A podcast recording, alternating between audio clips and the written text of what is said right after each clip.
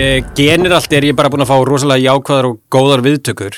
Maður náttúrulega hérna maður er svo klikkaður að maður, maður sækir svolítið í það líka að fara niður alla, hérna, alla vondu staðinar uh, dimmuhólunar þar sem fólk er að, er að segja eitthvað annað. En, hérna, en það er líka áhugavert. Mér finnst þetta allt mjög skemmtilegt. Mér finnst öll viðbröð alltaf mjög skemmtileg. Og hérna og gaman að lesa út úr því veist, þessi sér þetta svona og eitthvað veist, og það er bara það er bara skemmtilegt. Ég meina viðbröð er allavega viðbröð. Viðbröð er viðbröð, já. Ég held að versta sem að listamæðurinn getur lendi í með bara svona yftarakslir og bara, yeah. Já, akkurat, og bara enginn er að segja neitt, sko. Þannig að... En ég er svo magnað þegar, eitt svona dominerandi komment sem ég hef verið að heyra, sem er bara allavega fyrstum tóþættina, að þetta er svo hægt, svipað fyrir mig þegar einhver segir Æ, ég veit ekki hvort þú ættir að sjá þessa myndið og horfa á þennan þátt, þetta er svo skrítið. Meðan ég er mitt bara svona úúú, já, ok, ok, segð mér meira og, og, þú veist, ef einhver kemur Æ, ég veit ekki, hún er svolítið hæg. Og meðan þá, svona heilin minn fær ekkert svona respons við annað en bara, mm -hmm. ok en þú veist, hvað er þá, þú veist, að ég elska hægan brunna já. Og þetta, já, þetta veldur alltaf, þannig að ég fyrir meiri í svona ok, en var eitthvað karakterdæmi sem þú tengdi við eða þú veist, fannst þér eitthvað intrík þarna? Mm -hmm. þannig að, já, fyrir mig er þetta bara svona, svona blað dæmi, en á sama tíma finnst mér líka skrítið hvernig sumir gera meðspunandi kröfur til, skiluru þátt að versus, og ég meina, þú heyrir þetta mjög sjálf að sagt um bækur. Æður og bækur, skilur, þú ert á þínum hraða þú ert að dikta þetta sögun á þínum hraða. Já, já, og meðan þetta kemur líka svolítið út á bara svona, já, hvað er hægt hvenar er eitthvað inn að gera svolítið bara að gerast ég hef heyrt svo oft bara, að það er ekkert að gerast í henni þetta er bara tvær manneskur að tala saman já, já, já. þá hefur við hérna My Dinner with Andre eða Before þríleikin og ég er bara svona Einmitt. þetta tókst mm -hmm. og Mhm. það var djúsi og ég meina þú hefur ekki sjálfur fundið fyrir því ég meina með, þú ætlaði bara að draga úr hatti vonastræti, var einhvern tíma var einhvern tíma svona tímabil þar sem að þú bara svona efaðist um sjálfæði og hugsaðir er eitthvað að gerast í þessari mynd? Já, er það að að betur. virka? Já maður, og ég man að ég á einhverju tímapunkti þá bara svona hver nennir að horfa á bíómyndum einhverja mæðgur að tala saman og borða spagetti skiljur, þetta var eitthvað svona ég dróð eitthvað það út úr eitthvað skrýningunni bara, um, en þau sko kvikmyndagerðin sem ég trúi á er að segja sögur í gegnum karaktera og er að byggja upp sögur í gegnum þú veist, karakterstruktúr og, þú veist, og þetta er þú veist, ég, þetta er bara það sem ég trú á og, og, og finnst gaman að gera og, og það sem er ég er kannski að gera í svona fyrsta skipti í þessari seríu, það sem ég hef getið verið að vinna mikið með áður, það er þú veist, þetta er á að vera spennuseríu líka og, og þá finnst mér mjög gaman að tækla þetta með svona undiröldu, að Aha. það sé eitthvað beneath everything sem er að krauma og hérna og það finnst mér alveg sjúklega gaman að búa til og gera.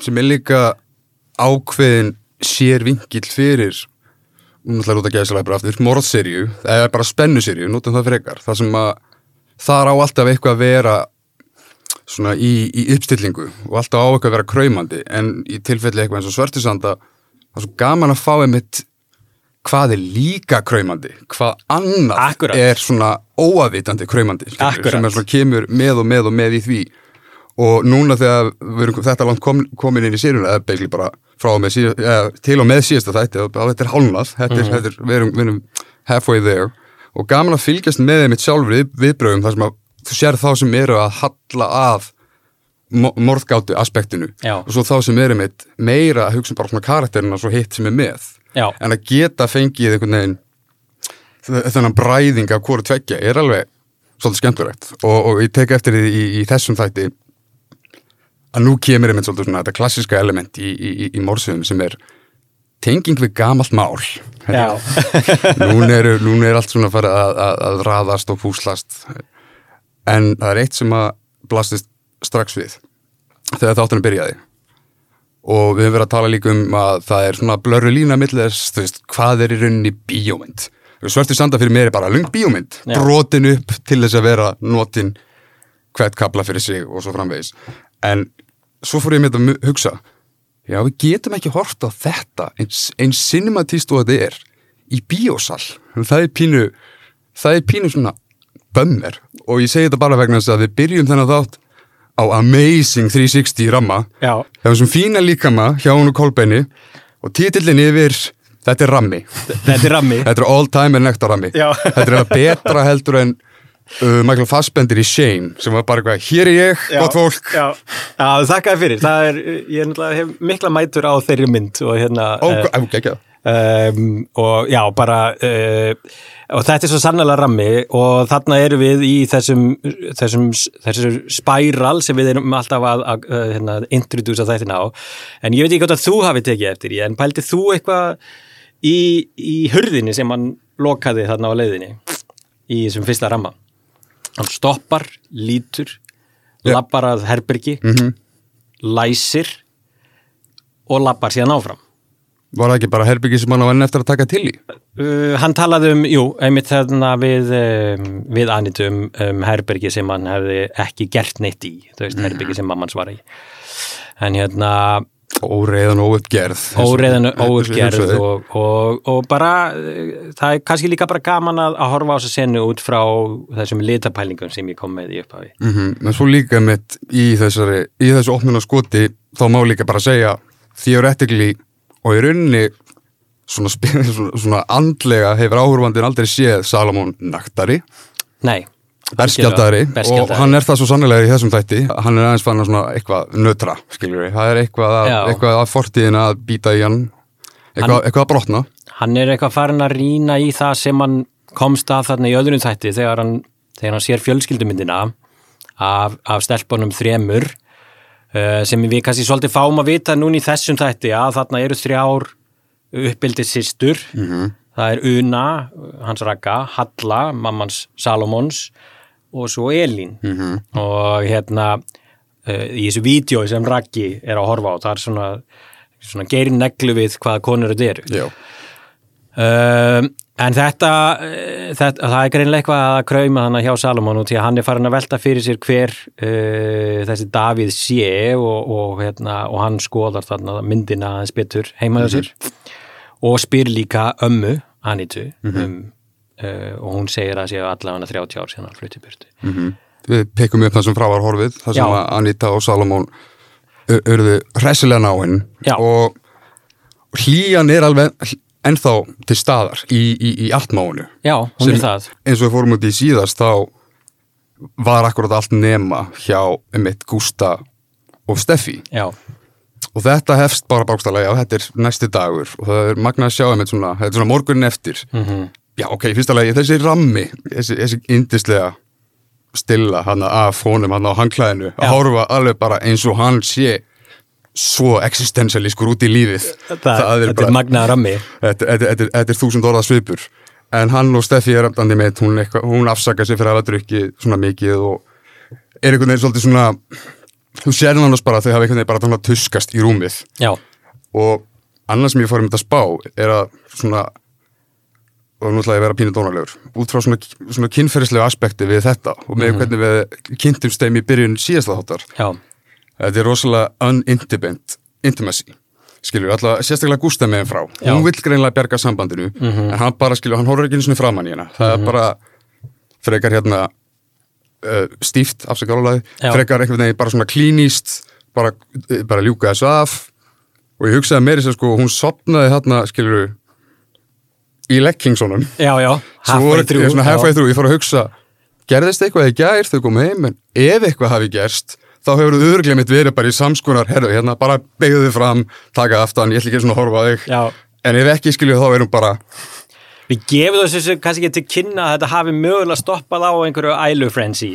já, já, já, en ég elskar mitt að það, að það eru mitt það eru mitt mólar fyrir ósagða lokin, eða ósagðu lokin á, á, á þeirra kvöldi Já. á deitkvöldinu þeirra Já. hún er mitt þarna já, afsaka sig og er mitt þarna svolítið bara einhvern veginn, það er, það er, þessi, er svona spenna en samt líka ákveðin bögun. Já, og Gústi fullirði við hana þarna þau eru bara heim já, skilju, hann er það, já, lögum þetta. Mjög, mjög mikilvægt, það sem að hann er eiginlega bara svolítið hann er eiginlega að reyna einhvern veginn svona að hugsa bara, nei ok, þetta, þetta anýtið dæmi er kannski bara Goose Chase.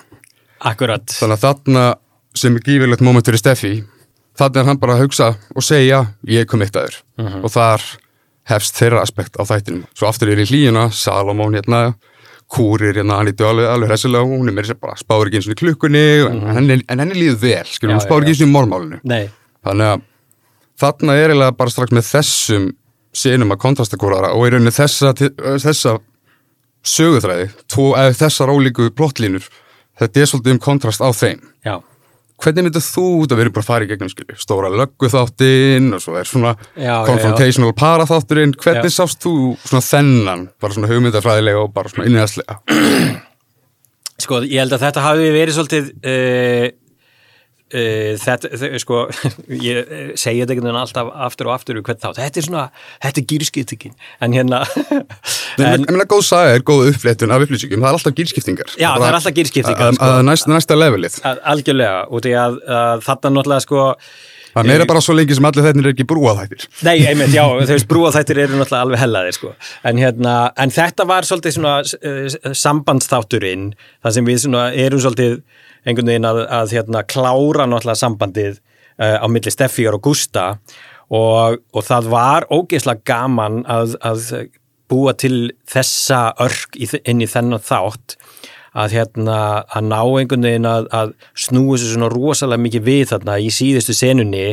Eins og allt þetta með e, e, sko, eiginlega allt sem er sagt inn í, inn í veitingahúsinu þú veist þegar hérna, hún hallar sér að hann og segir þessi súpa er eins og allar aðrar súpur. Vegansúpur. vegansúpur þú veist, fyrir mér er hún bara að segja þú veist að þessi gella er bara eins og allar aðrar gellur veist, Ég- ok, ég er mjög fegin að ég var ekki svo eini sem las það Nei, nei, nei, nei, algjörlega. Þú veist, hún er bara hvað ertu að gera þú veist, Já. og því að þarna er hún búin að átta sig á því, bara ok, this is done. Já, líka þetta, þetta einskot, þessi setningjáni er response við hann að reyna að sína. já, hann er, það síðan sem hann segir við hana áður en hún segir þetta, ég elska þig Mm. Og þá er hún bara að heyrðu, ok, alltaf borðið. já, Mér, já. þessi fokkin súpa er bara jafn vond, nei, er bara jafn ómerkil og allar aðrar vegansúpur svona, og, og ekki, ég er ekki að tala ítlum vegansúpur það eru frábærar um, en þarna er hún allavega greinilega að setja svolítið, ef- svolítið svona sinn fót niður meira að minna sem, mér finnst hún sína einhvern veginn engi merkjum í síðasta þetta en finnst rosalega skemmtilegt að sjá hvernig hún er bara svona hægt og rólega með því að fara með honum að glera svona og fylgjast með skilju, hann er alltaf að vinna og alltaf að vinna, þú veist ég verð að vinna svolítið mikið. og, og meðan hún vildi nýta intimacy og frí innan gæslapa tækifærið.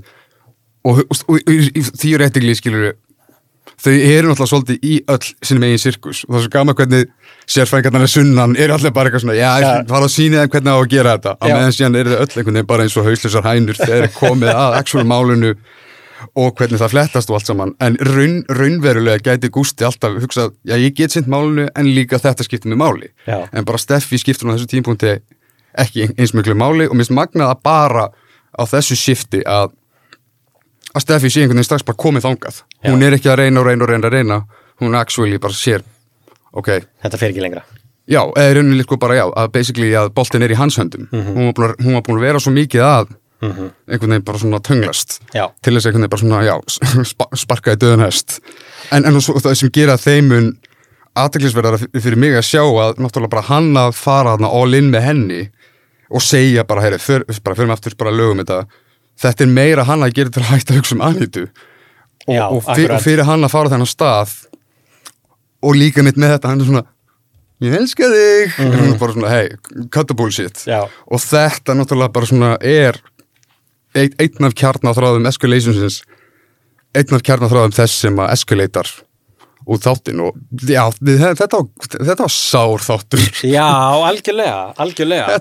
Þetta var einn mjög sár þáttur. Bara svona ái og ég, þú veist ég það, það er líka alveg bara aðteklisvægt að fylgjast með Gústa líka einhvern veginn eftir þetta hvernig hann dílar við þetta uh, þú veist, hann náttúrulega stingur upp á að þau splitti burger og ég, ég, ég með koma því Bör, Já. burgerinn er, er, er, sko, það er, það er kynnt þessa þáttar sko. já, já, það er frábært en svo bara þannig þegar hann lappar inn á lauruglustöðuna og, og hérna og flettir upp gömlum skilabóðunum Mhm. sem ég veit ekki af hverju hann er ennþá með inn í símanu sínum en hann er alltaf snaruglaður að hafa þessi skilabóð en hann fer inn á það og gefur hjarta á það sko, þú veist þar myndi ég segja að, ok, það er eitt að geima myndina en að annað koma Já. hvað er hann að segja þarna Já, já, já, veist, God damn this boy. með með, með þeirra samskipti í málunu og minnstu einhvern veginn sko, þau, þau dætt alltaf í einhvern svona einhvern mjög furðulegan svona gelgjulegan öskurring Já. þegar þau mætast bæði einhvern veginn búin að missa svolítið svona gardið sitt og er bara, þú er alltaf veist allt saman og, og hann er bara eitthvað Ertu fimm ára? Maður bara svona, hvað er þú að gera? Akkurat, Þið akkurat. verða bæði svo vulnerable, ég elskar hvernig þið taka þennan sirkus með sér bara, þú veist, inn í hvert einasta Já. samtal í lauruglinni Þa, ég- það er ekki ennþá búið að koma eitt samtal í málinu sem snýst ekki um sambandi þeirra og ég ég, það- ég geti gert sko superkött útgafi af þessum þætti af bara eða þeim svipum sem Ragnar gerur og hann er svo ekki að frekar en nein öðru en þannig er það bara svona krakkar. Jesus Já. En, en já, þarna er sem sagt hérna, hann er, hún er nýbúin að eyða myndunum, basically bara, þetta er bara hún að hugsa ég ætla að eyða þessum minningum, eyða honum, Já. move on. Ha, hún er moving on. Já, og mér finnst þessi þættir hafa sínt svo mikið hversu mikið svona dramatic heft getur verið í einföldu hlutum eins og bara já, samskiptamila skilabóðum og þess já. það búið að tala um passive aggressive like þumalinn sem skilur hún að hella út hjarta sitt og hann er bara gan, bara gangið vel og svo er mitt þarna, hann er hún eiginlega bara og líka með smá hjálp Salomons að vera með þetta höng þarna megin sko, það hefur alveg það hefur sinna aðdraganda. Frá því hversu vafa sem um, áhrifður getur, getur þótt Salomon og hann, hann, hann er það svo sannlega en, Já, já. en á sama tíma skilur eins og, eins og ég er allavega frá minni tólkun Salomon er flotti hennar en á sama tíma hún er greinilega að komast aðeins lengra á meðan Gúst er að bakka hann er að fara tilbaka. Mhm. hann er allt í hennu stöndu við með, þessi, með þær, þessar tvær manneskjur Anitu og Gústa í bara nákvæmlega öfugum spórum Mhm. og við byrjum við. -hmm. sem er mjög skemmtilegt. Já, og líka sko, aftur að þessu líka sko að- að að- að setja hann að like responsi á, á gamlu myndirnar sem svo fyndi með þeim hvernig, já, eins og við talaðum með samskiptið þeirra í vinnunni hefur bara verið hvernig allt nema eðlilega, eða svona dannað. Og, og það er einhvern veginn eins og hann gerir þetta bara svona óvart einhvern veginn, hann var bara að í gegnum þetta eða hvort hann hafi svo verið bara svona reyna að krúttast við hana á versta tíma. En líka, þú veist, að magna að sjá að þetta er það fyrsta sem hann stekkur í eftir að hann Já. skinja sjálfur með Steffi bara ok, þetta er búið. Já, þannig að svona douchebag. Já, bara hvað heyru, yfir, yfir í næsta flóta já, Eh, sko, einmitt þetta með burgerina þarna er kjarna elementi fyrst mér svolítið svona innsiklað í því að við erum að kontrasta datekvöld hjá Anitu og Salamon Mhm. og þú veist, eins og segir, S- Salamon er bara he can do no wrong, skilju, hei, er þið svöng? Ég, ég hef búin að rigga upp eitthvað fyrir bara hvernig þú kemur, Já. látum bara vita hvernig orða leiðið og skilju, það bara hann einhvern veginn bara er svona draumur, svona símingli í hennar augum, bara svona, það gæti ekki virka meira. Það gæti ekki virka fullkomnara. Og ofan á það, hann er hittari hjá gamla fólkinu. Hann er sjarmur. Og við liðin í bænum og allt þetta. Þau eiga sitt kvöldana með skilju bara rauðvín og hann er bara búin að gera veganburgeri mitt fyrir hana Já, já. sem hittir í mark. Og meðan tvö á deitkvöldunni sínu, Steffi og Gústi já, þau fara, hún fer hann í vegansúpuna já, en svo verður þetta meira að minna bara æ, þú veist, hvernig er ég að blekja, mér langar bara í burger. Já. og ég elska að þau eiga smá svona moment þar sem hann svona les það í hana þar sem hún sérð svona glimsa af gömlu góðminningunum já, bara svona, æ, í, bara koma á stefni, ég þekki, til Já. burger. Já, og, ég els, já. og ég elska það svona fyrir gang og þanga til mitt já, ekki svo vel, shoppu burger. Já. Úf, þetta var svo, þetta var svo sárt. Bara svona, já römmunin á þessu og það að þetta leiði beint inn í mómenta sem hún er bara hvað, veistu, fuck this guy, ég Já. á betra skilið. Og, og við, já, fylgjum henni og í, bara, já, í, í sínu bara live uppgjörstandi sem Já. aftur mér magnað með það hvað hún var mikið hopp á hýi við sambandinu, bara þáttunum, eh, þættinum áður já, já, já en núna er hún bara standað á sínum prinsipum En þú veist, getið ekki líka bara svolítið, erum við kannski ekki að sjá bara núna aðeins betur í það sem var að gerast í hin, hinum þættinu á undan, er náttúrulega desperation. já, Þetta er, veist, þetta er allt keirt á desperation. Og auðvitað getur þú skilið það þegar þú kemur inn í fyrstu sinnunar bara, ó, ok, hér er allt í fínu lægi. En undirlægið var náttúrulega allan tíman bara, hún Já, já. að reyna að bjarga. og þú sér líka meira að minna bara hvernig hlutinni voru akkurat utaramma bara, bara þegar þau voru bara saman í Reykjavík skilur Já. þú veist, þú finnur fyrir farangrunum eins og ég segja sko. en, en eins og, eins og fókus minn er meira að sá að út af því að desperation hennar var svona manifestað með jákvæðum hætti hún var að reyna svona að sparka einhver upp bara Já, svona, já, já. bara fá einhverja spennu skilur, eitthvað svona, svona smá krytta og kynlífið og haldi í gamlar hefðir Æ, við, veist, við gerðum þetta alltaf, skilur, alltaf nýtt hótel Já, já, já. halda svona í gamla, gamla, gamla og fyrir það sko bara, mér fannst það svo aðdánavert hvernig við reynir hvernig annarkundi síndi það Já. með þú veist bara því að stökkva úr einu þætti yfir í annan nákvæmlega bara svona einhvern veginn þannig að jafn, jafn kátt og jafn svona happy go lucky hún virkaði fyrir sambandinu á góðum, góðum momentinu Mhm. að strax skilur við færði jangið eða jinnið Já. hinum minn þar sem hún er líka dottin í náttúrulega rútínu bundna bara uh, þetta aftur Akkurat. og með því að gefa í og bókstala skilja hann eftir skilja hann eftir á glérhásandi það er náttúrulega líka gott að nefna það það er sennilega breaking pointið hennar það sem að þú veist það var þetta stóra lofórð við förum heim saman. Akkurat. saman. Þau þurfu ekki á mér að halda hérna. Vinna hefur ekki allan þann fórgang en svo er mitt setnin í þáttum kemur með þetta. Það er kveikið tráður í þessu. Já, Æ, þú veist, ég þarf að vera lengur. Þau náttúrulega vita ekkert hvað þau eru að gera hérna. Allt, allt einhvern veginn hínum að kenna. Þau eru ekki sérfængat alveg sunnan. Ég þarf að vera hérna svolítið að laga þetta fyrir þau, veist hvað er góður, veist hvað er hot shot. sko. ég held líka að Steffi sé fullkomlega meðvitað um það að hann þurfti aldrei að fara hana frá upphafa Nákvæmlega, og Anita er meðvitað um það. Já. Það er einhvern veginn svo að allir meðvitaður um það, nema. Nei, hann, hann, hann sá til þess að hann fór á glera Mhm. alveg upp á eigin spýtur sko. Sem er svo magnað líka til að spekla mitt hvernig líka hans framkoma er, hann langar í þetta uppgjör, hann Já. vill eitthvað, eitthvað passionir og eitthvað með Anitu á þess að segja það Mhm. og mér finnst þetta líka að gefa svolítið merkjum það líka til að minna aftur á þegar Steffi og Gústi voru að eiga samtali í eldursun í fyrsta þætti, nei, í síðasta þætti Mhm. að það var samt símin á borðinu Anita var í loftinu Já, hún já, var að nefnda já. að núna mitt er meira svona þetta að ég skinja að þegar Gústi tók hann að samtali við hann í fyrsta þætti bara, bara, bara basically bara fuck off Mhm. þá einhvern veginn svona með, með því að fá Steffi hliðina þess inn í þetta kannski var hún svona dikteitaði skilur við, bara svona segðu þetta annars erum er við off skilur við Já, að þú veist, hér er greinlega mannski sem er búin að fara í oft í símanans, að fullri ástæði sé ekki já. traust Mhm. tekur svo skrifið að vilja uh, vera opnari, vera hjartahlýri Mhm. og hann er bara alltaf skilur Gústi er náttúrulega bara eins og stæsti glervekkurinn hann í, í, í seríun og þetta Akkurat. hinga hinga til. Bara svona, og það er svona elska hennar ramma sem hann er, var þetta kynningarammin hans. Þarna að- í glugganum. Það veist, við erum, erum út er- fyrir þetta er- establissi skot. Já, já þetta er reynda rammi sem speiklar líka Anitu þegar hún fer inn í, inn í þennan og er að leita þarna eh, eftir að Ulrika er búin að gista þar að við kveðjum Anitu Já. nákvæmlega í þessu skoti. Alveg rétt. Og svo stendur Gústi þarna setna í, í hérna í þessu þætti? Mjög þungt hugsi. Já, mjög þúntugsi en þetta er svolítið kannski eh, ef við, ef við förum til spurningar sem spurður í byrjun að þá er þetta þessi þáttur. Þetta er sambandsþátturinn stóri það sem við svona klárum að, að þérna, leggja niður hvernig við förum inn í lokapartin af seríunni hvar þau eru stönd í lífinu.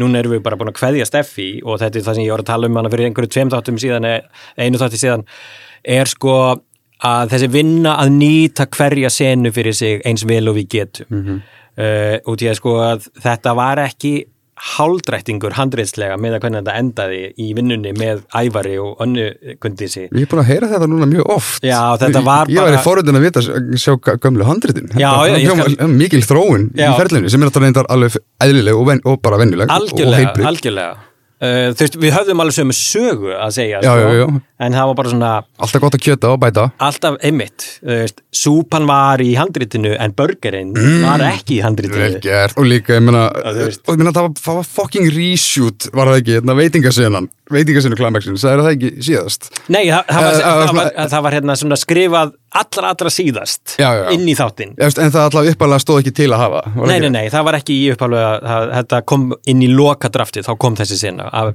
út af því að hérna, það var bara, það vandaði löguruglu sinnu En er það ekki, ég meina þú veist, en í staðis að segja bara eitthvað half-ass einhverja lauruglusinu, þá einmitt fannst mér þið sína svona frekar, frekar svona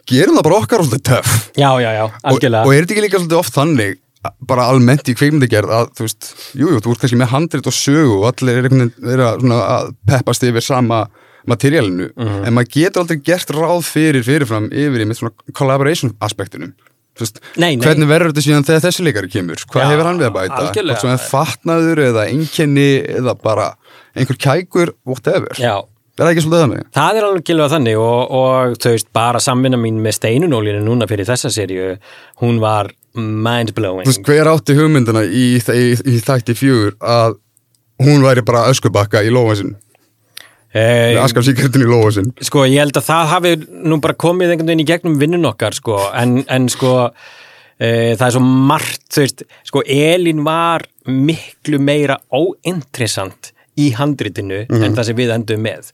Þú veist, þessi, þessi Patti Smith uh, slash uh, Andrea Jóns slash uh, Ditta slash eitthvað leið sem við fórum með hann karakter uh, kom rosalega, þú veist þetta var eiginlega, sko, steinin settist niður með mér og segi bara ok, við skulum gera hann áhugaverða.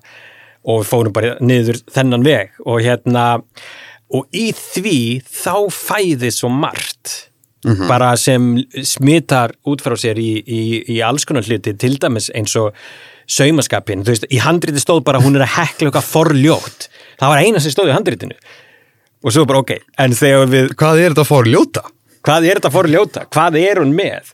En hún er náttúrulega bara með þú veist, skýr skilabóð, þú veist jættu skýt á meðan hún er að segja við ekki láta hana mann úr Reykjavík ekki láta þennan kall mm vera eitthvað manipulitaði sko uh, Elín er búin að vera svolítið góð róli síðustu þætti já, algjörlega, hún reyndar fær ekki hún fær ekki mikið plás Nei. í fymta, hann er náttúrulega svo mikið í samböndunum Mhm. og, og í, í rannsókninni en það er en, en hún færi mjög svona líkil senu sem tengist Algjörlega. eða tengist ekki mitt mögulega afraksturs sambandsins Það er, þetta er nefnilega, þetta er alveg svolítið þérna stórt moment. Við náttúrulega erum þá í raun og veru, að það er líka gaman að fylgjast með Ragnari á ferðalaginu hans. Hann læti sér bara hverfa þennan dag og er heima hjá sér. Við erum eiginlega bara að sjá hann sem óbreyttan borgara í fyrsta skipti. Og hann situr hérna og er að horfa á þetta vídeo og það er eitthvað verið að tala um að kannski er una að fara að eignast barn. Uh, en það er, veist, það er talað þannig um það eins og það sé ekki gert með eðlilegum hætti Mhm. og þú veist, þau eru að fara eitthvað söður kemur með eitthvað í opninum tilbaka kannski höllu frængu og Ragnar svona stingur upp á Halla frænda og eitthvað. Mm -hmm. To Ragnar er heima hjá Elínu og hún er að segja út í að það er augljóst að Ragnar eignast aldrei barn. Það er aldrei, hann á engan svon hann á engan dóttir mm -hmm. cut to að hann er að komast að því að Anita er ólétt. Mm og hann, mögulega Er það bara skjálfest já, minna, hún allan að finnur pröfu, Já, já. það er ekkert, það er ekkert skjálfest við það, við skulum bara leifa sögunni að segja á þessum eftir- tímapunkti er það allavega veruleikin hennar. Það er veruleikin hennar, Elínar. hún er að verða amma Já. og Ragnar er að verða afi bars sem hann egnaðist aldrei. Mhm. hann er nýbúinn að vera að horfa á þetta og taka þetta inn. Ég egnaðist aldrei barn. Mhm. um, og hann er augljóslega með aðeins önnur viðbröðan Já, er, er, er, ég elska líka bara nálgun hennar sem bara getur það yfir leindamáli og bara svona, ég, ég hugsaði bara sem áhorfandi bara, eitthvað, vill fólk, fólk bara láta hann í friði ekki, hlaða meira á greið mannin og hann verið svo svar í stíl hann bara, hvað var eitthvað, vil ég vita það? vil ég vita það Já. líka á því að það er alltaf verið að segja um að þegja yfir öllu Mhm. -hmm. bara ef að þetta á að virka ekki verið að segja mömmu þetta Mhm. og svo því kemur út, vilt þú taka yfir lindamáli það er alltaf verið að er, hann er á milli þeirra, hann er á milli Gústa Aha. og Anitu hann er alltaf einhverstur á milli allra oh, kalla ungin maður Mhm. En Þór gerir þetta bara svo vel og það er svo gaman. Og þa þarna kemur líka aftur referens í samtal sko, sem var á veitingásinu, hann er að skoða bækling, herru, hvað með þetta? Hérna Costa Brava, þetta er ódýr. Þau eru í alveginn að skoða þessi hús, þau ætla að fara að flytja, þau ætla, þau, sko, Elín er að fara að láta draumi rættast, hún er að drulla sér úr þorpinu og ætla að eyða góðu árunum á Spáni sem verður kannski framhalserjan þau, Elín og, og Ragnar á Spáni. Það er geð, það, já, ég, ég myndi að horfa á það.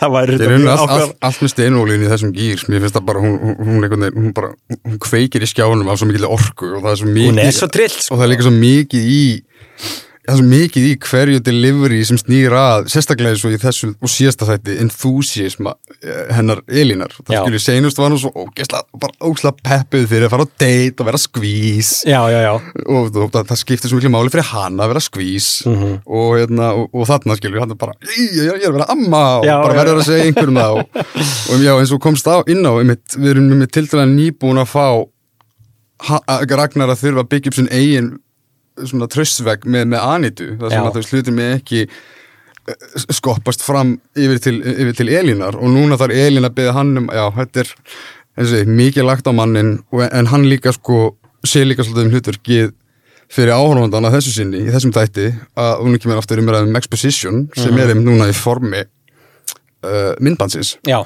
akkurat. og já, þarna er í fyrsta sinn, ekki, allir svolítið svona sameinaðir í þessum Jú, pakka Una á ammali, Una og Amali. þarna eru hérna, Elín og þriða sýstirinn sem mamma Salamóns Já, er það sem sagt kristillega já. Já. Hún er mammans Salomons og hún er þannig á, á myndunum og veggjunum heima hjá honum og það er og lauruglustöðinni, þannig að hún hefur greinlega verið uh, gaman lauruglumadur eða lauruglustjóri í, í, í bænum hérna áður fyrr. Já, þarna erum við komið með þríegið í bland við mitt uh, segjum bara huldumannin Já, Davíð. Davíð mitt og, og svona, síndist mér, já, unga Anita það ekki? Jú, Já, og en allavega svo líka já, sko, uh, Davíð er ekki á myndbandinu, fyrirgjöðu. Nei, nei, nei, já, ok, ok það, það, er, það er bara Salomon, það er unga Anita, Já. það er einhver maður Mhm. uh, og, og Amman sérst hann líka Mhm. og hérna uh, en hérna, nei, Davíð, Davíð hefur bara ekkert komið til þorpsins í yfir 30 ár sko. Og svo fyrir sem að magnaði mitt í senu það sem er að fara alveg vel yfir málið og hvað er standamálinu það sem finnst indislegt að Tommy situr hann bara og er bara Já. eitthvað það er bara svo að viti, ég, hann sagði ekki neitt. Hann bara að vera til skrauts hann að rúkiðin Já, og einmitt uh, nú veit ég hvort þetta var viljandi en uh, Ævar er svolítið staðsettir rammanum oft svona blokkerandi ákveðin myndarama. Þau eru þarna þrjú saman. Er þetta, ég ætla ekki, já, ég veist er þetta ungur Ragnar sem er þarna við liðan á henni? Já, það er sko þetta er uh, þetta er sem sagt ungur, uh, þetta er einhver fyrirmyndi lauruglustjóri sem er mynd af Steina Bakk mm -hmm. það er annar lauruglustjóri þannig við hliðina á sem er Bjöllinur akkurat svo kemur hún og svo kemur ungur Ragnar. En svo sem Magna sko, hún er þarna sérstaklega uh, í með blámarama Já, og svo er ég mitt í vískotan sem tók eftir hún er sérstaklega svona já, blokkur af, af ævari Já. er svona spákvart að já, þetta er svona, svona auka skraut sem ég skaman svona að svona, Já, þetta við- er svo yfirvóðandi þráður hvort sem er í, yfir löggamálinu. Algjörlega. Og við vorum alltaf að færa þess að helvis ramma fram og tilbaka til að þetta myndi alltaf passa og rýma og ef við vildum sjá hana, ef við vildum ekki sjá hana og allt þetta sko. Þannig að hérna uh, já, já, þetta spila rullu já, og líka gott er mitt svona að nýta tækifærið líka úst, bara svona hvetja áhörvendur að mitt svona líka að frekar en að bara einhvern veginn skoða hvað framönda liggur, núna er einmitt líka svolítið svona gaman og fyrir mitt leitið kósi að sjá hvað er að baki, skilur Já. hinn helmingin af sögunni sem er að baki og, og ég var ennþá eftir að horfa á þetta allt aftur og ég hlakka til og eins og ég áður sagt ég ætla að gera það rétt á því sé, sé finalín bara svona þannig að ég endi á svolítið svona alveg góðu binsi í þeim stíl sem ég hlakka mikið til. En Já. þá er mitt líka það er einmitt í svoleiðis keisum finnst mér, það sem að þá ertu svona færðálega að graspa svona kósi heitin, skilur það sem áður virkaði hægt, þú hafði lítið upplýsingum það núna spilar inn sem þú veist hvert sagan fer núna en kemur inn í einhvern veginn svona já, þetta er að segja mér þetta allan tíman Já. ó, ég fatt ekki þetta og nú virkar þessi setning millir þessara persónu meira hlaðin eða meira history og ég dýrka svona Já. ég dýrka það sem að upplýsingarnir eru bara á þeim stað og þeim tíma það sem að uh, já, bara svona, það sem einhvern veginn svona það má le leika sér með mysteríuna Já. og ég elskar ég, ég, ég veit ekki hversu oft ég fórst á þætti eða bíómyndir með, með mömmu minni eitthvað og hún er bara eitthvað svona, hvað er að gerast? Betur, betur, er, er það satt sem hún segir? Ég er bara eitthvað svona, býðum aðeins, Já. kannski kemur það í ljós og það er gaman þannig að já, það er Já, þetta, sko, þessi stíl að fara inn svona kallt á hluti og vera ekki með forsendur fyrir því og, en svo lærir þau með tímanum hvað það er Já. það finnst mér persónulega gaman og ég hef rosalega mikla trú á þannig kvikmyndagerð og hérna og þannig svona sögu struktúr. Og hérna og auðvitað þú veist getur að veri ég hugsaði að það getur líka alveg verið pínu erfitt stundum að horfa með vikum millibili á svona efni sko. Ég, þú veist, Hmm. sem það er undarleg setning að segja fyrst mér í dag. Já, algjörlega. að þetta, já. Þú veist, ég held sko líka bara út af því að, að þetta er óvenjuleg krimmaserja sem fjallar greinlega miklu, miklu meira um einhverja fjölskyldu og einhverja baksugur og dramasögur þar en þetta kannski morðmáli er svona farið aðeins að there happens to include a murder Já, s- það er orðið svolítið staðrind en ég held bara til dæmis eh, sko við getum kannski já, við náttúrulega höfum ekki ennþá talað um það með Berlinale en það var allavega þegar þau höfðu samband við okkur að þau voru bara svo mikið að elska þetta approach. Uh, þetta væri bara, þetta væri svolítið fest að fá krimmaserju sem eða dramaserju sem happens to be a murderin sko. Um, og hérna og líka það sem er einnig sko s- svona stærsta mysterían er ekki procedural heldur já, stærsta mysterían er fortíðar aspektin milli Já. kraumandi karaktera já, það, já, þetta er svona það er það sem ætti í raun að vera backdrop í mörgum seríum er Já. í rauninni svona, svona dulin þunga með þarna Það er það nefnilega, en ég ætla samt að gera það alveg svo djarfur að segja e, þetta mun allt koma heim og saman. Það er, við, við erum ekki að gera þetta til þess að uh, villa á okkur heimildir og, og fara síðan eitthvað annar, þú veist, Nei, það, nei, það, er ekki. það er ekki tilgangurinn, en hérna, um, ég upplifði alltaf sem, ég upplifði alltaf morsuguna sem integral aspekt til þess að þú veist, það þarf að þjóna hinu líka út af, því, út af því við erum búin að vera með þetta þetta, þetta merging aspekt millir skilur við engalíf og starfsviðs Akkurat. og í bland við náttúrulega og fortíðarleikurinn og fortíðarleikurinn er mjög stór ábyrða og uppgerður millir persóna í einhvern veginn engalífi og bara persónlegu lífi þá finnst mér þeimur meira thematíst viðengandi að þið sama stýrist frá keisinu, skilur og Já. það er mitt eins og sé sko bara að vera með kjötað case finnst mér vera það er svona mikilvæg elementi, skilur ef, að, ef það hefði verið hálf bakað aspekt að taka bara hérna einhverja morsögu af lagarnum bara til að skreita hitt, það Já. væri alltaf element. Þá þá þá, þá, þá, stóri ef að ég þú hefði fengið símtalið. Sennileg ekki, sko.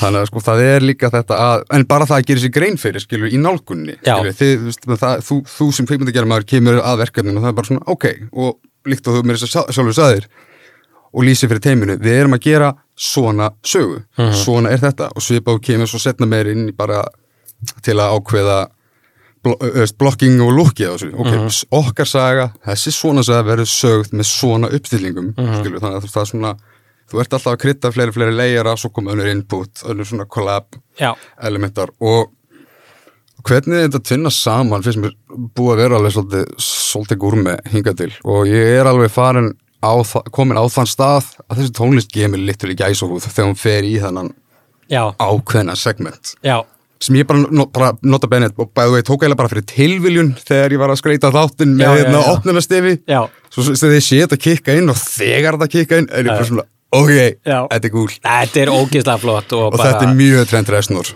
Þetta er, þetta er mjög trendræsnari en, en eh, bara kútast til Pétur sko. Það veist, þetta, þetta, er, þetta er svo geggjur tónlist hjá honum og hérna Ég þarf að yfirheyra Pétur með það hvort hann hafi séð kveikmyndina The Fountain. Það eru skorbútar í eini sérst frá Aronofsky já, sem minna mig mjög mikið á, á útvalin ste, eh, stef úr þeirri mynd sem Já, er gullfalleg já, já. og, og þetta er- flottir ekkoar hann. já, æði um, en svo náttúrulega kannski er það veist, stóra stóra málið það er þetta kvöld hjá hérna Salamón og Anitu uh, spjallið í stofinni sem leiðir til síðan það sem við kölluðum uh, kynlífs líks mashup uh, sequencein geðið eftir orð. Uh, þetta var, ég held að þegar við vorum búin að klippa þetta uh, saman og hérna og við sendum þetta á Pétur og skýrðum bútin uh, sex uh, body mashup eitthvað sín og það bara hvaða sekvensa er þetta? Þetta, þetta átti ekki að verða svona mikið mashup í, í handriti en þetta var svona ákveðið og klippist í að gera þetta svona. Er ekki líka til að sjálfgeft að við hinga til, er ekki sjálfgeft að við endum skot í spíralnum?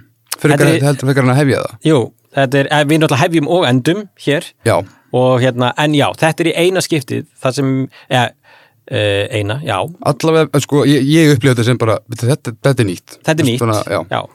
að þetta er svona uh, já, kannski eftir áhyggja þú veist, þú ert búin að horfa alla þættina þá, aha, spýr allir svona í mínu huga táknar svolítið í rauninni að getur verið merkjum skilur bara svona blatant óróleika eða einhvern veginn svona eitthvað er að vera svolítið topsy-turvy allavega svona ef ég myndi að plæja við, við þau skipti sem ég sé það hinga til og ég meina bara þessi rammi það sem að kemur einmitt svolítið full svona summering á hvern allt sem að hefur verið einhvern veginn svona tísa hinga til með, með hvernig er alltaf svona morbid bakgrunnur við, við svona heita flotta flawless staðrið milli Anitu og Salamons já, hann, skilur, hann er bara skilur, hann eldar flottasta matinn, hann er í flottustu fötunum með fullkomið hár ógeðslega mikinn sjarma.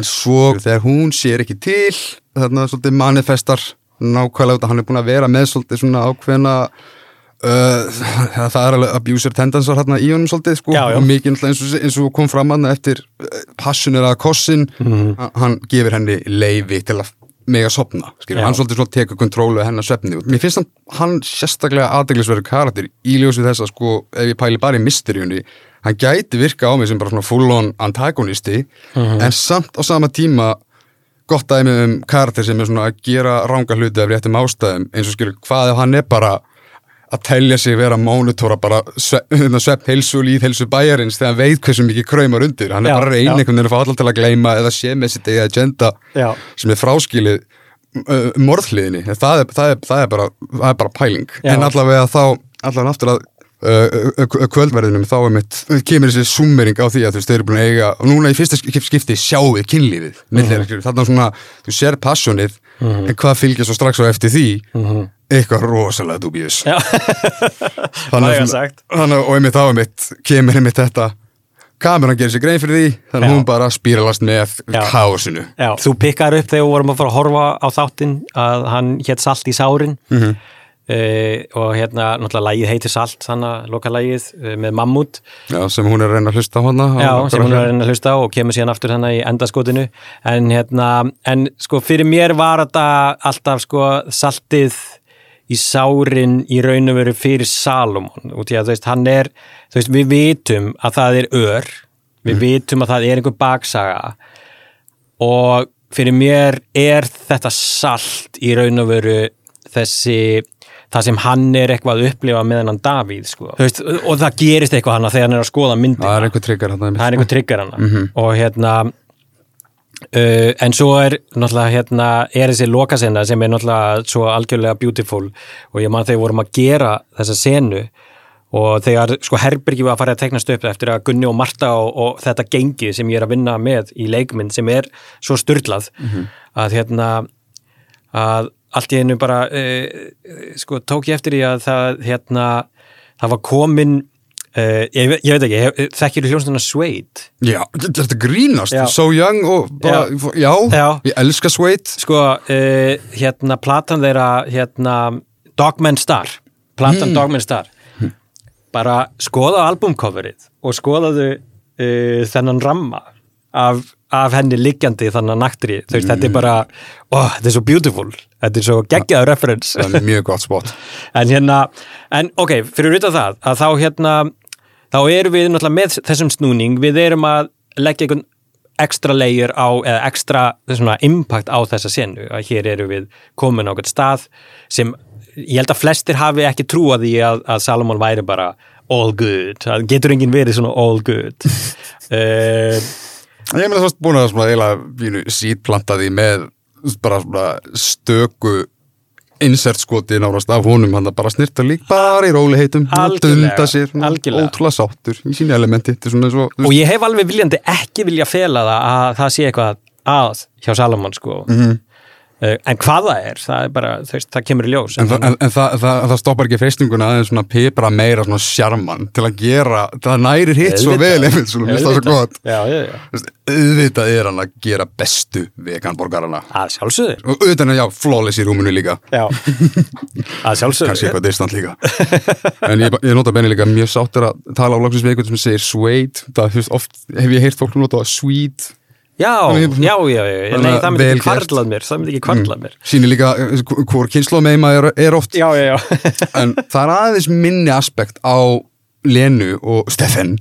Já, Steffen, Uh, Lena, Steffen og Ulrika var svolítið uh, svona fjarlægssöguna og þegar ég tala um gýrskiptingun síðasta þætti þegar við tökum stóra hérna svörlið og við sjáum allar þessa karaktera það er í raun og veru erum við að kveðja nærveru þeirra Ah, ok í þeim, í þeim snúning mm og þá er ég að meina físisk nærvera. Já, já. nærvera þeirra sem Skil- mál heldur- söguna, já. Mhm. impactar söguna en hérna Þannig, að- þannig að Lena er búin að eiga sitt uppgjör meira að minna hérna í hennar hérna, lokarama í þriðið af hægi svona, svona hennar, hennar bíómyndin hennar saga var svolítið svona klæmaksa þarna. Já, það var svolítið þannig og sko. svo bara skiljast eftir áhrifin. Og, og hvað máli var þar þá fáum við að vita að uh, já, þarna sérst bara er ennfremur einhvern veginn svolítið svona herjað á svolítið hvernig, hvernig Anita gæti gæti ekki verið partur af þessu, en hún fer þarna í kirkjuna og hann ekki verið önnur með svona rosalega svona Twin Peaks í svona noir sena sem múst að fara að milli vettvanga, fara að leika svolítið svona með ákveðna stíla fyrir hitt og þetta svipa með Dóru og hótelið.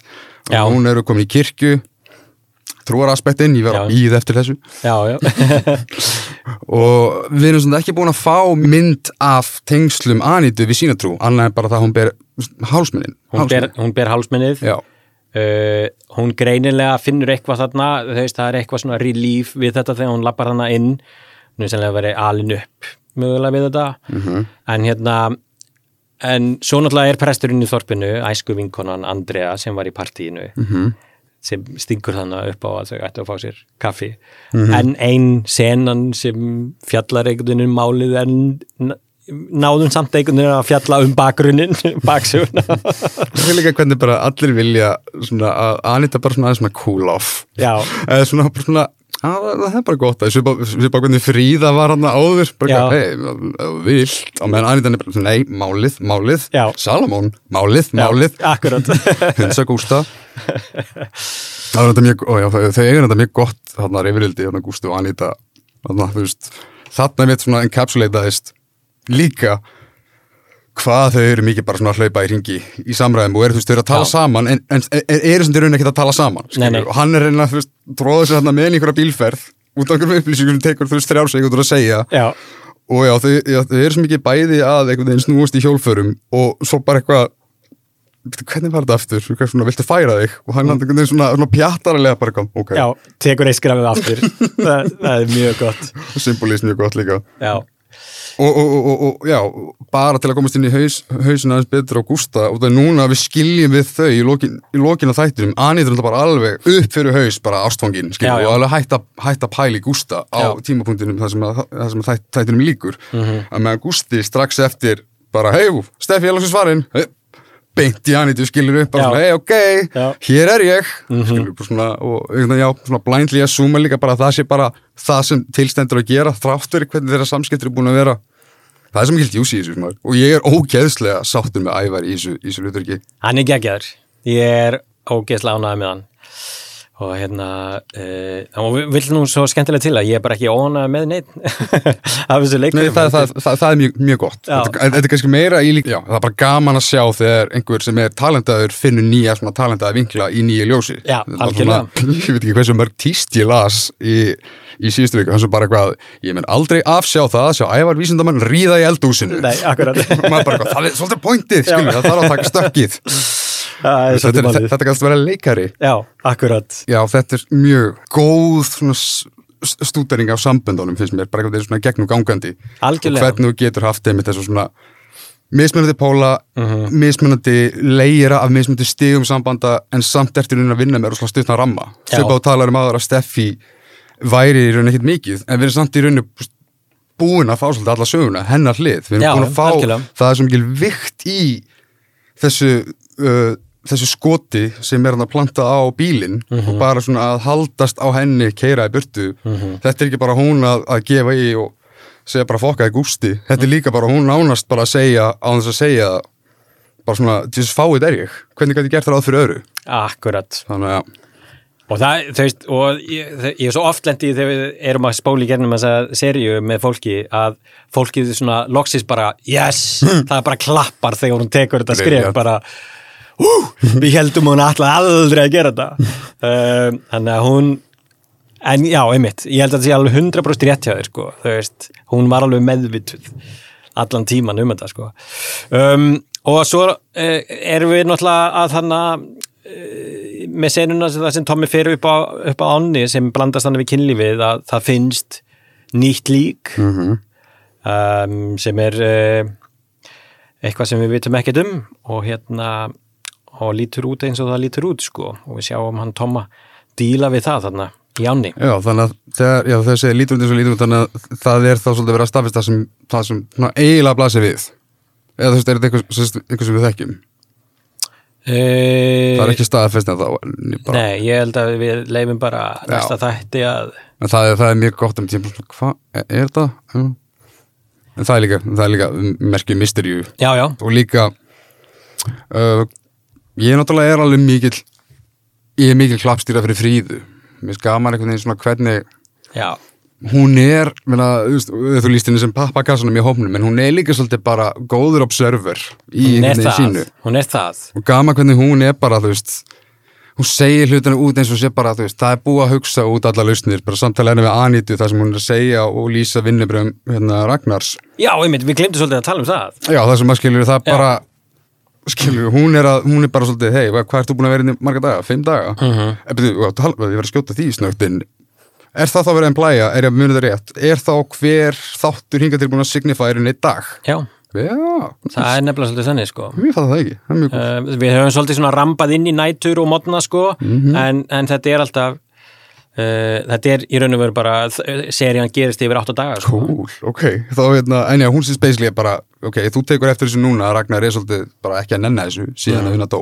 Já, og Anita fer svolítið í bara svona, svona þessar basic lausnir, ég meina, er ég búin að tala um þetta, er ég búin að gera þetta og þetta, það er bara svona hei, hei, kona hvar býrðu? Þú? já, bara þú veist hvernig þetta er. Já, nákvæmlega, hvað er þetta, við bara aðlöfum, aðlöfumst einhvern veginn í kringum þetta, þetta bara hangjar á einhvern veginn bara svona tómum sörum og loforðum og, og mjög interessant sena í því með því samingi að það svona kemur líka svo skemmtilegt cool yfir henni þegar skilur það er bara gústirunni segir mjög snemma við hana bara þú ert að fara í launlust leifi ef að skeið kynni að þú hefur enga ástæði til þess að ef, ef þú hefur enga sannari fyrir því að þetta hef ekki verið þú Já, já. sem, sem mm. Lena mögulega vísað í sem lauruglu konan mm þannig að sem eru, þú veist, bara 100% eðlilegt þú veist, þó að sé alveg fáralt að hugsa út í að þetta sé hún en þá er bara ekkert hægt annað -hmm. en að bara, herra, ok, þú verður að bakka við verðum að klára henni ákveðna hluti.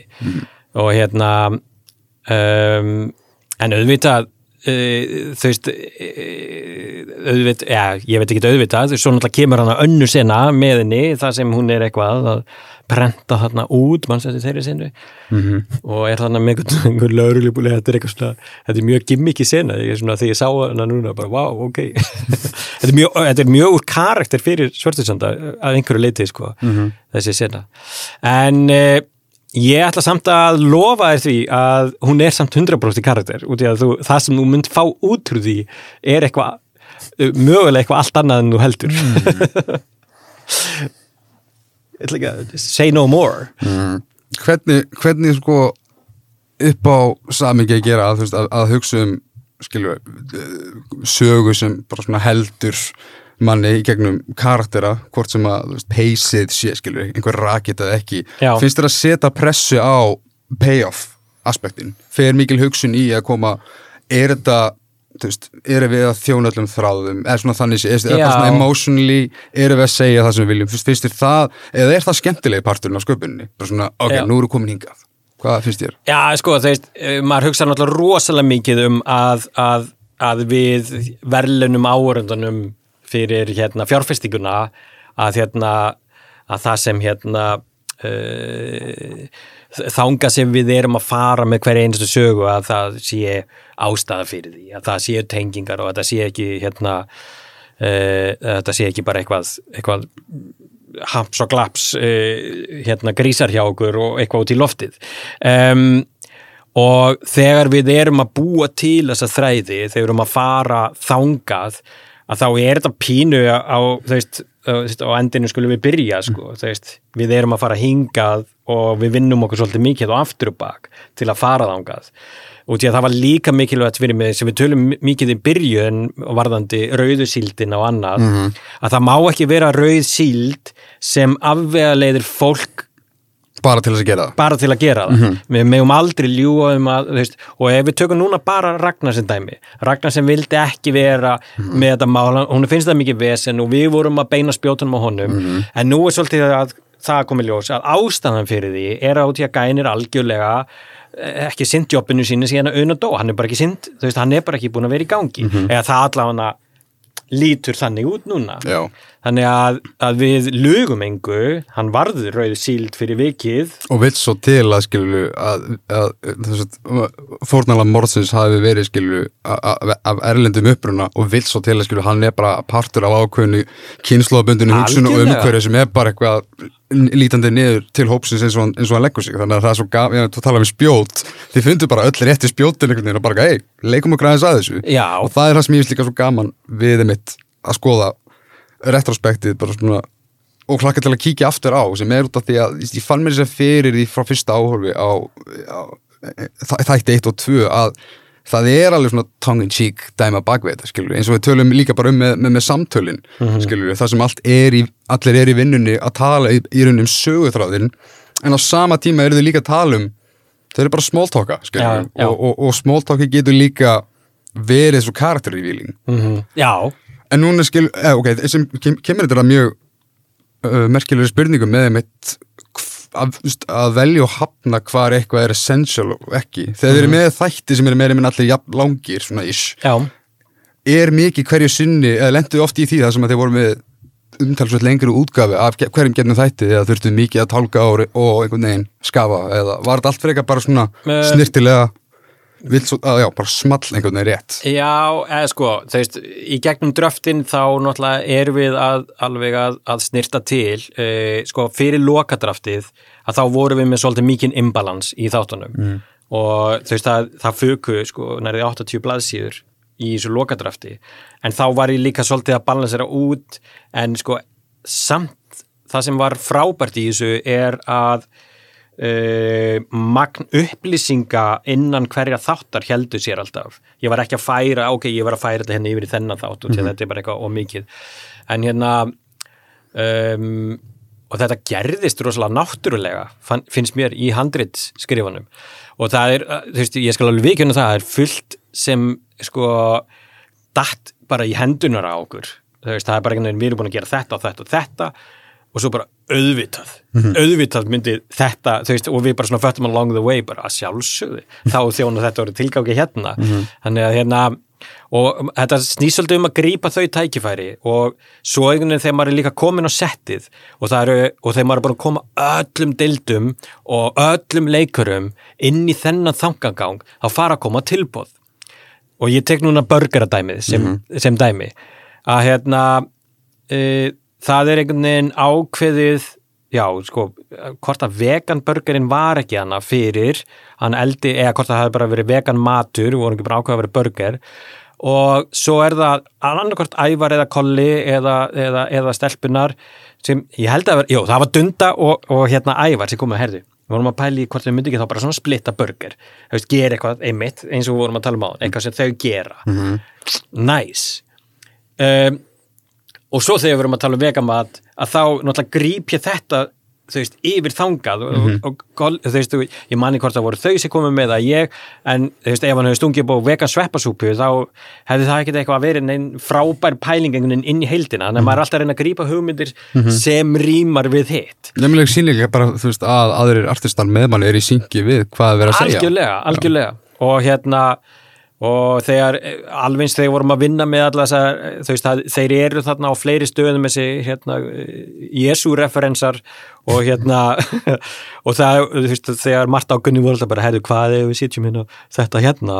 Uh, að maður bara grípur maður er alltaf að reyna að grípa réttu hlutinu til að raði þetta og þetta er alveg sem með díalóga og annað, það eru allir alltaf með einhverjum smá hugmyndir um að bæta og betra og eitthvað, stundum endur skrifu við á svæðinu maður þarf bara að vera svo rosalega lört að missa ekki þráðin að, að missa þetta ekki bara út í vitleysu og vera allt í hennu bara shit, ég leifði og miklu að gerast. Mhm. þú veist, þetta verður alltaf vera innan þessa ramma sem við erum að vinna með sko. algjörlega og alltaf gaman sem, svona, það, veist, það gerist vantarlega hverju sinn á setti sem ber stundum að fagna sem eru svona heppilegu slísin eitthvað sem ekki planað eitthvað sem bara gerðist í mómentinu. Já, Eh, og líka einmitt í eins og, eh, eins og varandi burgerinn að, og ég hugsaði með þetta bara svona út frá sambands uh, aspektinum að þú hefðir geta haft í sikkur tilfellinu með datekvöldin þú gætir að vera með mismjöndi rétti eða mismjöndi típum sem, eða skilur við, þetta geta haft hvort vegan eða bara annað. Já, já, já en einhvern veginn með því bara svona hafa þetta light touch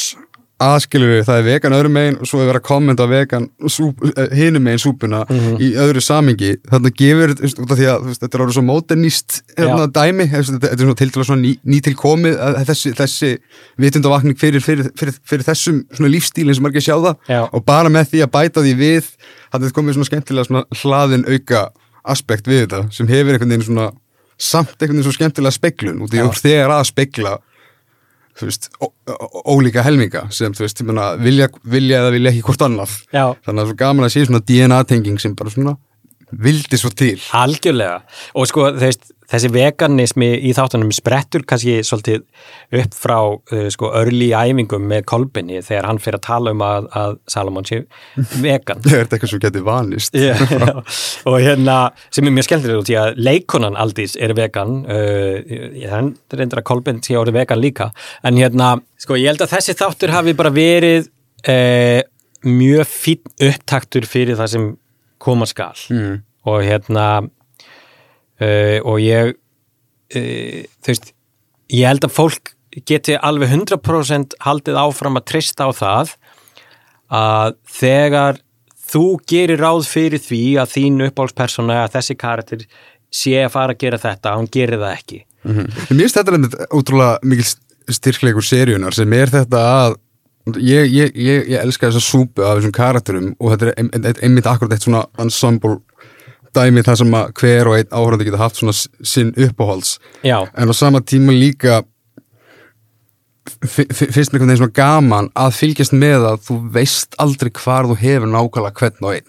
Það er ekkert eitthvað svona þessi er likeable þetta er skítallinn, þessi er alltaf einhvern veginn með hausnir raskatar á sér skilju. þessi Já. er rosalega einhvern veginn dannaður og ég, ég fíla það skilju, svona núansa sem er einmitt svona þeir bjóð upp á gráisvæðin en líka þú veist sína og það þú skilur bara eins, eins og við töluðum við með, með Ragnar skilur bara við fyrstu síni með bara eitthvað, "Pff, þetta er auðsildir, þetta fáið þetta burt með hann Já. en svo bara svona einhvern veginn veist, það, það er svo furðulegt að segja þetta einhvern veginn, segja þetta upp á þetta einhvern veginn svona þrátt fyrir útlendingahatrið þá finnur maður sáli í þessum manni Já. og maður finnur einhvern veginn svona og mér finnst það þrátt fyrir glötuðu vinnubröðin Mhm. og augljóslega bara nennleysið. Já, þá samt einhvern veginn skilur maður hann. Þannig að svona mér gaman að hver og einn einhvern veginn svona hafi sveirum fyrir einhvern veginn svona svona þetta, þetta auka skilur sem að, sem að svona býr til og eða raunir rétt að sagt svona meira bætir á að Algjörlega og ég held að sé akkurat þetta sem við græðum á því þegar við byggjum svona veglegar undirstöður fyrir mm. seríuna og að auðvitað vonustu við til að fá að gera season 2 líka út af því að þessi saga er hugsuð átta þætti til viðbútar að hérna að til þess að þú farir í þetta ferðalag með karakterunum Mhm. að þá tekur það þennan tíma Þú er nú alveg farað á marga hverja kvikmyndaháttíðinar en hversu spennandi var að fá Berlin alveg fréttinar og hversu lengi hefur þurft að sitja því með að segja einhverju það? Uh, við fengum að vita þetta annarkvæmt í lok nóvumber eða byrju desember. Og hérna það er mjög fín jólagjöf. Ég var einmitt í sjálfskeipar í sótkví þegar ég var einn inn okkur hótelherrbyggi hérna í nokkra daga þegar ég fekk þessa fréttir. Karma launaði tilbaka. Já, það var mjög næs. Og þetta var líka bara svo fallegt e-mail sem við fengum að, að þetta var eitthvað svona þau voru svo augljóslega líka sko spennt að heyra í okkur með þetta.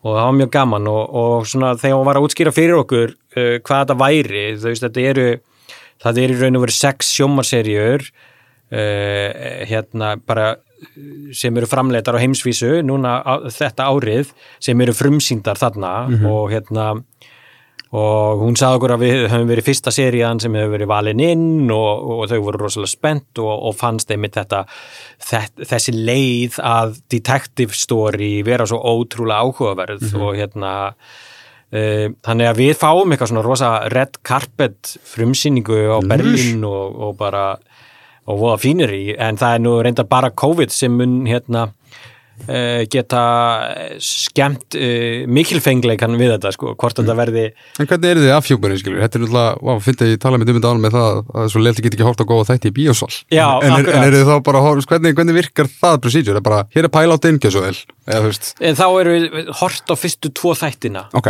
uh, á, á svona hátíðum mm. Og, og við höfum reyndar, sko, við höfum fengið sko fleiri hérna beðnir um heimsfrumisingar frá öðrum stórum hátíðum næs. þannig að við, við á, í raun og veru endum á að velja Berlinali og til að það er lang, langstæsti vettvangurinn e, hátíðarlega séð að frumsýna mm.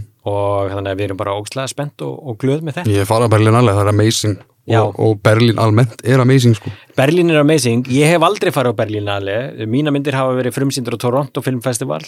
Og hérna, þannig að þetta er í fyrsta skipti sem ég fer þangað og, og gaman að, að, hérna, að frumsýna þetta verk, það sem þetta er líka fyrsta verkið sem ég í raun og veru framleiði og skrifa veist, frá því að ég hérna hætti eh, hjá hinnum aðilanum. Nákvæmlega.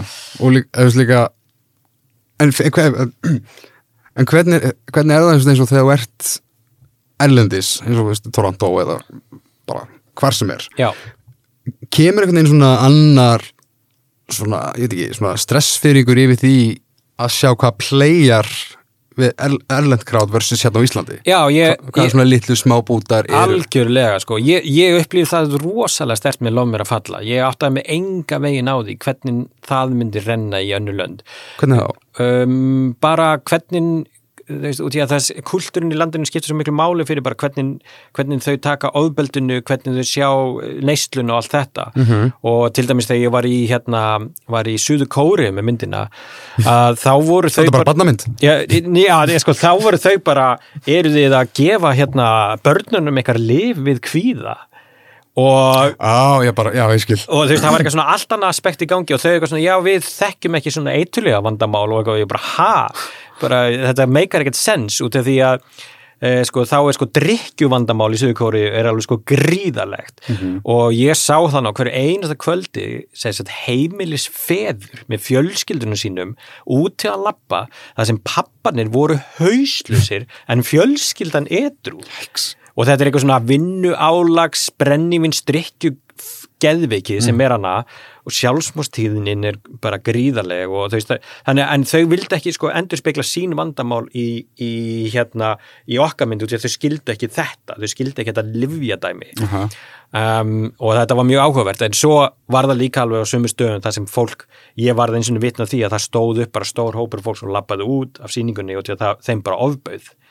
Uh, Já, og láð mér að falla þá. Í lof mér að falla sko. Var það, uh, var, var það sendu með eldri magnu Já. Já, ég held ég já, ég held ég hvað er. Og hérna, og ég skil það þú veist, í að þetta er, þetta er kultúrun er mismunandi og hvernig fólk tekur svona sinnum. Og, og það sem ég náttúrulega er alltaf einhvern veginn ekki að sitja hlutina í einhvern svona bíómyndastíl eða er alltaf að svona reyna að vera svona grounded með þetta og reyna að fá þessa tilfinningu að þú sést bara að fluga á vegg í öllum þessu sinnum að þá verður þetta kannski ekstra óþægilegt, ég veit það ekki. En svo líka er, er, er jákvæðri aspektu svona sem er einmitt þetta að það sem við tökum svolítið svona for granted skilur bara svona, já, þetta er bara fjall. Ég sé þetta ekki þegar ég er í keirum landsbygin og ég er bara eitthvað svona, hann er mósið, hann er fjall. Já, já. en svo þegar þú ert með skilur, þú veist, þetta ferðafólki eitthvað sem bara þeim líður sem sé komin bara í miðgarð. Og, og, veist, og það gerir hluti eins og sérstaklega fyrir eitthvað eins og svörtu sanda það sem að þú ert bara búið til íslenska bæ skilur, að vísu, hérna, fantasy síseran hérna, glera, hérna, glerafsandur. En, hérna, en, en, en prinsipið samt alveg að- að gildir við skilur, svona, Já, að þú, þú ert að freyma eitthvað sem við þekkjum sem svona, vá, ok, kannastu svona bæjastemningu já. Og það er, myndi ég alltaf halda að vera svona added, einhvern veginn svona bónus að skilur, Added wow, value my, það, já, já. Svona, myndin er alltaf komið einhvern svona auka layer það, þú veist, ég er bara, þú veist, fyrir áhorskildið að, skilur, þetta er bara svo alien fyrir áhorlandanum, skilur, bara. Bara samfélagið eða hvernig, hvað sem við vera að mappa inn. Mhm. en líka bara það að það sé þá einhvern veginn mappað inn, finnst okkur bara svona. Já, það er, það er mikil sjarmi í því. Það er mikil sérmið því og, og mér hlakkar það til að, að, að horfa á svörtusanda með, með útlendingum og ekki það, það eru fullt af, fullt af útlendingum búin að horfa á seríuna og, og það er rosalega auðvelt fyrir fólk uh, að tengja sig inn í þessa seríu bara út af human aspektinu í seríunni sko. þannig að hérna og líka sérstaklega þetta er alltaf þættindi díla við rosalega topical þemu um Já. bara, veist, hérna, við þá til útlendinga og skilur við til vantrus við lögreglu og Mhm. þannig að svona, og út af því þetta er, það er mitt svo brenglað og það er nákvæmlega þetta að þetta er topical fyrir okkur á Íslandi, skilur í samingi þess að við horfum að þetta við tengjum við hvernig þetta speklar okkar okkar, hérna, hjúp já, en svo er þetta meira universal með höldum Já, já. sem einhvern veginn, já, þannig að, og, Algjörlega. Þannig að ég, ég er bara gangið línlega vel maður. Já, takk fyrir það, takk fyrir það.